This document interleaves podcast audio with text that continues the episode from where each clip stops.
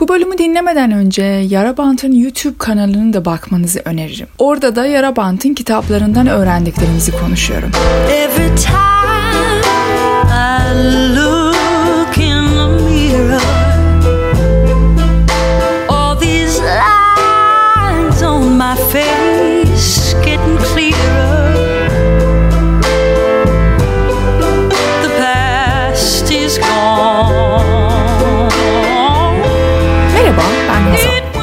Yara Bant'ın 7. bölümü. Yara Bant'ta her bölümde kurgu olmayan bir kitabın özetini anlatıyorum. Her zaman da söylediğim gibi kitap özetleri kitap okuma alışkanlığını doldurmaz.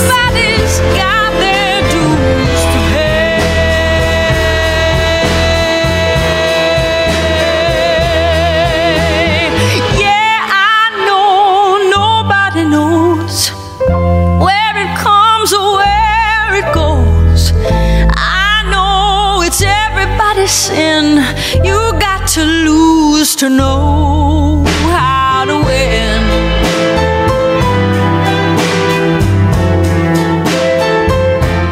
Yedinci bölümde Tipping Point kitabına geçtik. Dönüm noktası, yüksek noktası, başlangıç noktası, puf noktası ya da kaynama noktası. Türkçe'de kıvılcım anı olarak çevrilmiş. Matematikteki dönüm noktasından bahsetmiyorum. Yazar küçük ve önemsiz olayların sistemde büyük bir değişiklik yaratacak kadar üst üste geldiği bir noktadan bahsediyor. Şimdi bunun ne anlama geldiğini, koşullarını ve oluşumunun sonuçlarını bilmenin önemini ileride açıklayacağız. Yazarı Malcolm Gladware'dir. Aynı zamanda meşhur Outliers, çizginin dışındakiler kitabının da yazarı. Günümüzün en başarılı ve en çok satan kurgu dişi yazarlarından biri. Yıllardır New Yorker'de yazıyor. 5 tane kitabı var ve hepsi de çok başarılı. Bu 2000 yılında yayınlanan ve onun sayesinde ün kazanan ilk kitabıdır. Şimdi bakalım tipping point nedir ve hangi yaramıza iyi gelir?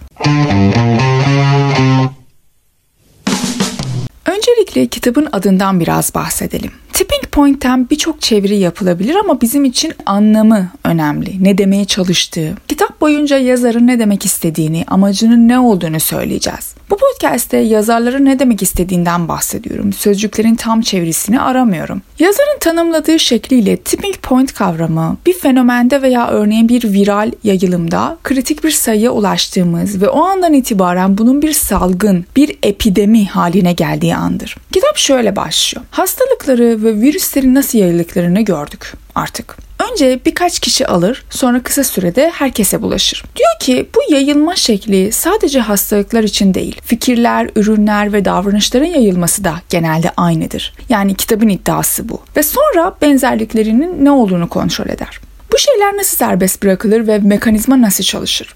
Örnek de bu Hush Puppies modeli olan süet ayakkabılardır. Ee, bunu Google'a yazdığınızda resmi göreceksiniz. Hepimiz biliyoruz bu ayakkabıları. Önü yuvarlak ve yama olan ayakkabılar. Yazar diyor ki 90'ların ortalarına kadar bu ayakkabılar raflarda toz yiyorlardı. Yani çok da alıcısı yoktu. Sonra bir şey oldu ve bunlar must have olması gereken ürünler haline geldi. Bir yıl içerisinde 30 bin çiftten 430 bin çifte ulaştılar. Bir de bu yeni olmayan bir üründü. Yani uzun süre pazarda olan bir üründü. Bir yıl sonra 430 bin çiftten 2 milyon çifte ulaştı. 2 milyon çift Haşpapis ayakkabı satıldı. Bu şirketin kendisi bu epideminin başlaması için çok fazla bir şey yapmamıştı. Hatta onların bu epidemideki rolü gerçekten çok küçüktü. Asıl hikaye Manhattan'daki bazı hipsterlerin bu ayakkabıları giymeye başlamasıyla başladı. Sonra fikir başkalarına yayıldı ve sonra trend haline gelip moda oldu. Biz de biraz düşünürsek buna benzer pek çok örnek buluruz. Yani bir anda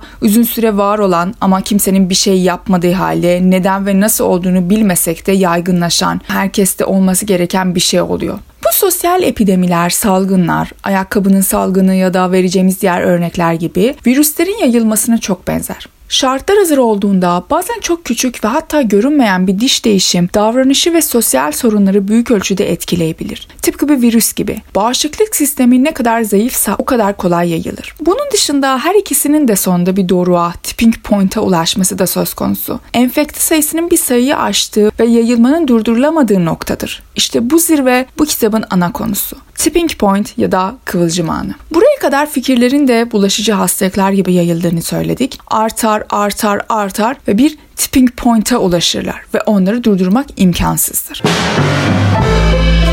Half my life's in books written pages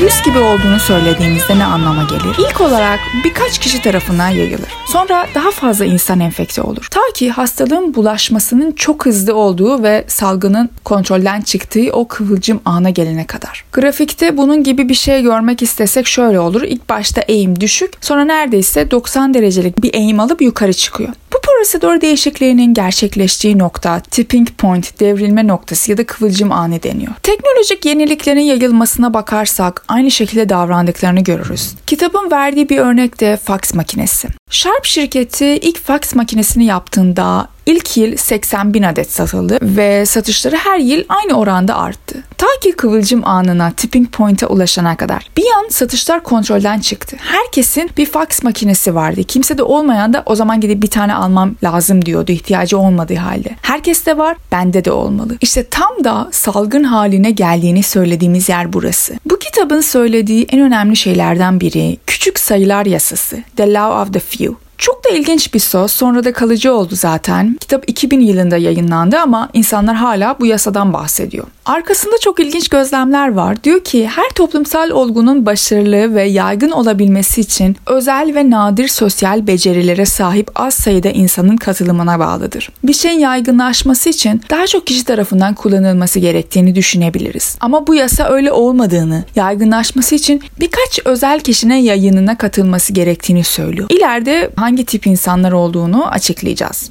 Bu yasayı ekonomistler arasında makul olan bir kavram yardımıyla açıklıyor. 80'e 20 kuralı adında bu sosyolojik bir olgu. Diyor ki bir işin çıktısının %80'i genelde insanlara %20'sinden çıkar. Yani mesela şirkette %20 çalışan işin %80'ini yapar. Toplumda %80 suçların %20 suçlu tarafından işlenir. Kazaların %80'i sürücülerin %20'sinden kaynaklanıyor. Dünyada içilen biraların %80'i insanların %20'si tarafından içiliyor ve bu böyle gider. Peki bunun salgınla ne alakası var? Epideminin kıvılcımı genellikle çok az insan tarafından tetiklenir. Ancak enfekte olmuş kişilerin küçük bir yüzdesi başkalarına bulaştırmanın büyük bir bölümünü yapıyor. Hatta oranı bile bu 80'e 20'den daha şiddetli. Örneğin Amerika'da kayıtlı olan AIDS vakalarının izini sürersen çoğu Kuzey Amerika'da 2500 kişiyle ilişkisi olan seks yaptığını söyleyen bir hostese ulaşırsın. Ve bu kişi bu virüsün yayılmasında çok önemli bir rol oynadı. Sadece bir kişi.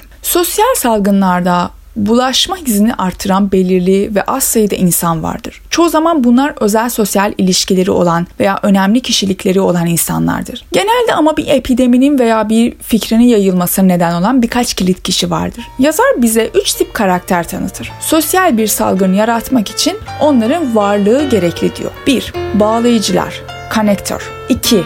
Uzmanlar, yaratıcılar. 3. Satıcılar. Just let me love you tonight. Forget about tomorrow. My darling, won't you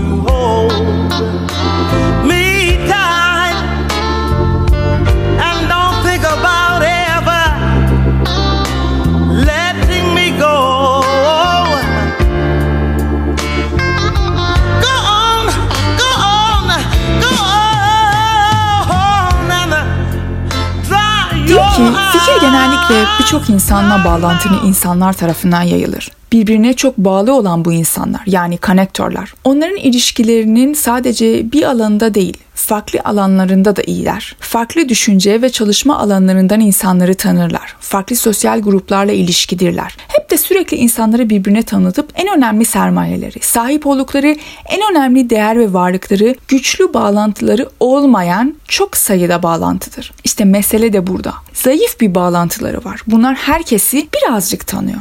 Size bu konuyla ilgili bir husus söyleyeyim. Bu kitap 2000 yılında basılmıştı. Yani internetin şimdiki haline gelmeden önce ve sosyal medyanın şu anki gibi olmadığı zamanlar. Ancak bunları bilerek e, günümüzün hayatını düşünebiliriz. Yani sosyal medyada ve influencerlerin var olan bu ilişkiler dinamiğine de. İyi bir bağlayıcı mesela Instagram'da 50 bin, 100 bin takipçisi olan biri. Hatta bu kişinin 5 yakın arkadaşı bile yok. Bu kişilerin yakın bir ilişkisi ya da güçlü bir ilişkisi olmadığını, fikir yaymak için yararlı olmadığını düşünebilirsin. Ancak Ancak aslında ihtiyaç duyulan beceri yüzeysel ama geniş iletişimdir. Epidemi olmak için çok önemli bir şey daha temasların ve iletişimin insanların etrafındaki kapalı çemberin dışına çıkması. Özellikle salgının yayıldığı bu aşamada. Fikir sadece kendi mahallemizde, ailemizde veya WhatsApp grubumuzdaki arkadaşlarımız arasında yayılırsa asla salgın olmaz. Bunları alıp diğer çemberlere bağlamak için bu bağlayıcılara ihtiyacımız var. Bu yüzden bu farklı sosyal gruplarla bağlantılı olan bu kişilerin salgının yayılması için rollerinin hayatı önem taşıdığıdır.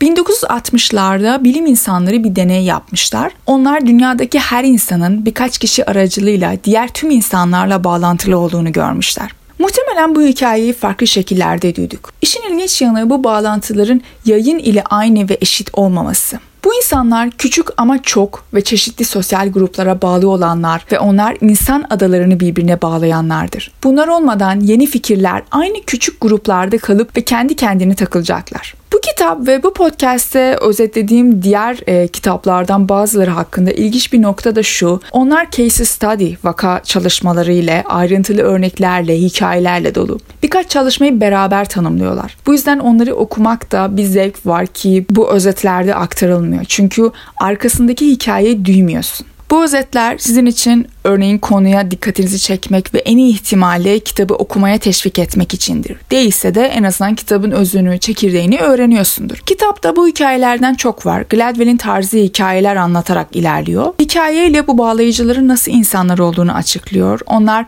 özgüveni yüksek, doğası gereği sosyaller, meraklılar, genelde enerjileri dolu ve geniş bir sosyal ağa sahip insanlardır. Fikirleri çok hızlı yayabilir ve bu özellikleri sahip insanların ve salgın sırasında yaptıklarının güzel güzel örnekleri kitapta var.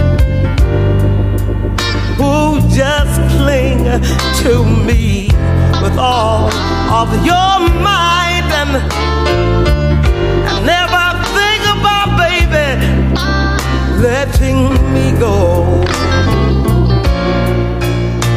Salgının yayılmasında önemli rol oynayanlar doğası gereği satıcı olan insanlardır. Yani gerçekten satıcı olarak doğanlar. Bunlar genelde çok fazla enerjiye sahip, çok motive, olumlu, pozitif, kendinden emin düşünen ve başkalarını yeni fikirleri kabul etmeye teşvik eden insanlardır. En başarılı satıcıların özelliklerinin neler olduğunu biliyor musunuz? Çok ilginç. Sözsüz iletişiminde. Bunlar örneğin bir konuşmanın ritmini bulabilen, onun için bir armoni üretebilen ve konuşmayı koordine edebilen, konuşmanın dalga boyutunu güzelce ayarlayabilen, çok hızlı bir şekilde kendi aralarında güven ve samimiyet duygusu oluşturabilen kişilerdir. Tabi doğal olarak sahte olmayan bir şekilde. Hepimiz böyle birkaç kitaptan denemeye çalışan insanları görmüşüzdür ve sonuç genelde acıklı ve utanç verici. Ancak iyi satıcılar kendilerini başkalarıyla kolayca senkronize edenlerdir. İçgüdüsel olarak tabi. İletişim ve sözel olmayan becerileriyle başkalarını kendi dümen suyuna götürürler. Bu başarılı satıcıların duygularını ifade etmek için özel bir yöntemi var. Çünkü duygular bulaşıcıdır. Benden size aktarılır. Başarılı satış görevlileri bu duyguları o kadar iyi ve net bir şekilde ifade ederler ki diğerleri onlarla hemen empati kurar ve duygularıyla eşleşir ve yöntemlerine göre davranışlarını değiştirir işte. Satıcıların çok ilginç bir konumu var. Dışarıdan insanların içini değiştirebilirler ve bu onları fikirleri yaymak için harika bir fikir insanları yapar.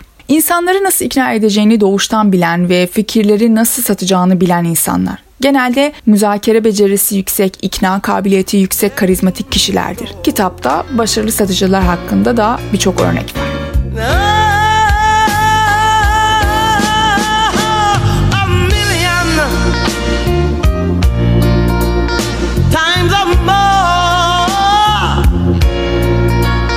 Sosyal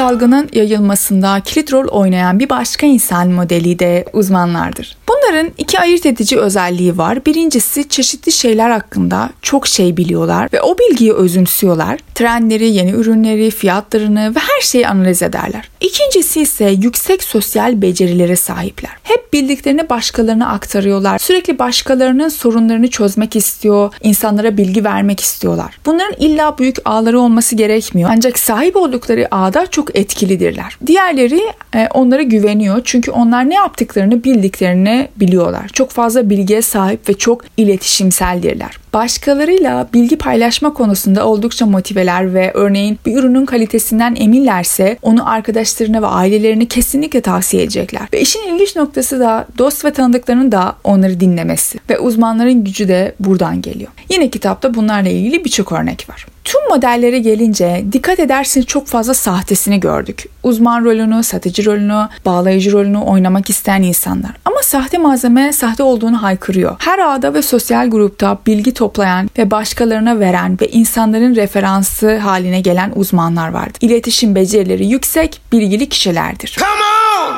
come on, give me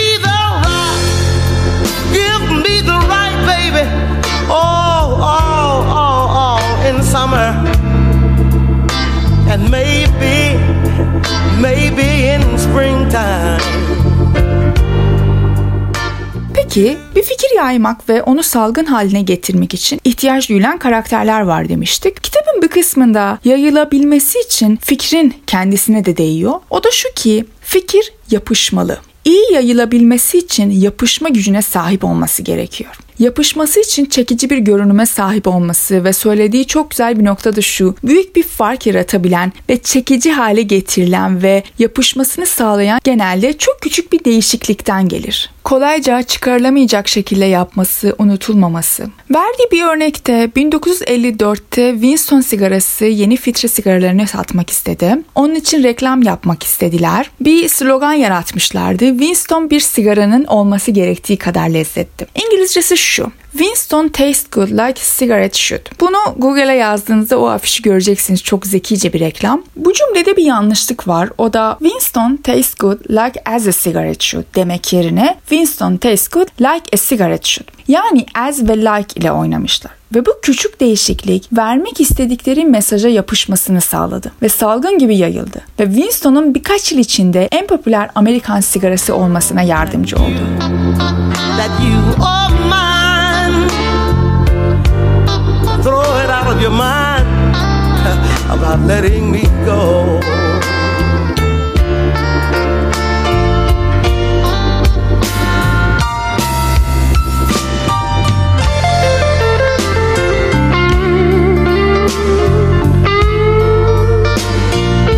Dışında çevre de doğal olarak önemli. Davranışlarımız büyük ölçüde dış koşullara bağlı. Yani çevremizdeki en küçük değişikliğin davranışlarımız üzerine büyük bir etkisi vardır. Ne kadar zamanımız olduğunu, insanlara yardım etme arzumuzu ne kadar etkilediğini görmek için bir deney yapmışlardı. Bir grup öğrenciyi e, sınıfa götürürler. Onlara orada küçük bir konuşma yapmak istediklerini söylemişlerdi. Öğrencilerin yarısına acelesi yok ve diğer yarısına da acele etmeleri gerektiğini ve tam söylenen zamanda orada olmaları gerekiyormuş dediler. İki grubun yol üstünde yere düşmüş bir adam vardı. Acele olmadığını düşünen ilk gruptaki öğrencilerin %63'ü yere düşen adama yardım ettiler, ilgilendiler. Acelesi olduğunu düşünen ikinci grupta ise sadece %10'u durup baktı. İnsan yardım etme arzusunun bunlardan bağımsız olduğunu düşünür ama öyle değil. Kitabın örnek verdiği başka bir çalışma çok meşhur olan Stanford hapishanesindeki deney 24 kişiyi 2 haftalığına alıp onlara rol verdiler. Bazılarına gardiyan rolü, bazılarına mahkum rolü. Durum hızlı bir şekilde kontrolden çıktı. Gardiyanlar güçlerini kötüye kullanıyor, daha katılaşıp sadist haline geldiler. Mahkumları psikolojik ve duygusal olarak şiddet veriyorlardı. Baktılar durum gitgide daha kötüleşiyor. 6 günde bitirdiler deneyi. Yani 2 hafta olması gereken bir deneyde 6 gün kendini gösterdi. Durum değişmişti. Onlara varsayımsal roller verildi ve başka insanlar olmuşlardı. Genelde davranışlarımız düşündüğümüzden çok daha fazla çevresel koşullara bağlı. Şimdi bunun bizim hikayemiz ve kitabımızla ne ilgisi var? Neden önemli? Çünkü salgınların ortaya çıkması diş koşullara çok bağlı ve çoğu zaman salgının izini sürüp geriye dönersek çevre koşullarındaki küçük bir değişikliğini görebiliriz. Looking for trouble, you come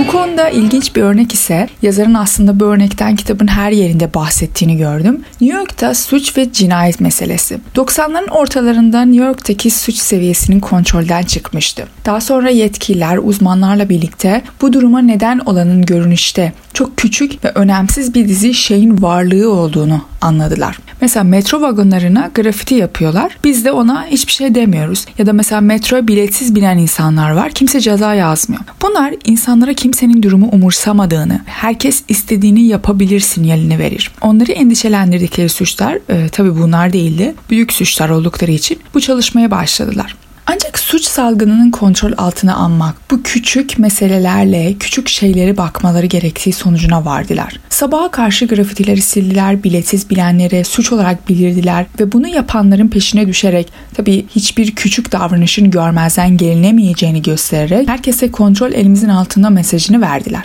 İlerleyen yıllarda suç miktarı keskin ve hızlı bir şekilde azaldı. Parantez içinde şunu söyleyeyim, bu çalışmayı yanlış hatırlamıyorsam suç oranını azaltmak için iki şey daha da yapmışlardı. Birincisi ruhsatlı silah satın almaya yaydılar ve ruhsatsız olanların kesinlikle suç olduğunu bildirdiler. İkincisi ise kürtajı yasal haline getirdiler. Gözümüze çıkarıp daha geniş bakmamız lazım bu konuya. Çünkü kürtajın gündemde olduğu konu ne? İstenmeyen bir çocuk. Şimdi bu tecavüzden olabilir, anne madde kullanıyor olabilir, sokakta yaşıyor olabilir vesaire vesaire. Şimdi bunun sağlığını da kontrol altına almak için bunu yasal haline getirdiler ki gelecekteki suçlu potansiyeli olan çocukların önlemini alsın diye. Ve bu küçük müdahaleler sayesinde toplumsal salgınlar tersine çevrildi. Çok ilginç bir örnek Gladwell'in New York'ta bu suç salgının nasıl kontrol edileceğiyle ilgili konuşmalarını dinlemenizi öneririm.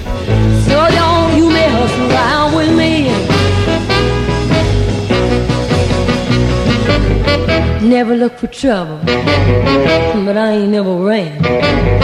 I don't take no orders I'm from no kind of man. I'm only made out of flesh, blood, and bone. If you wanna start a ruckus, child, don't try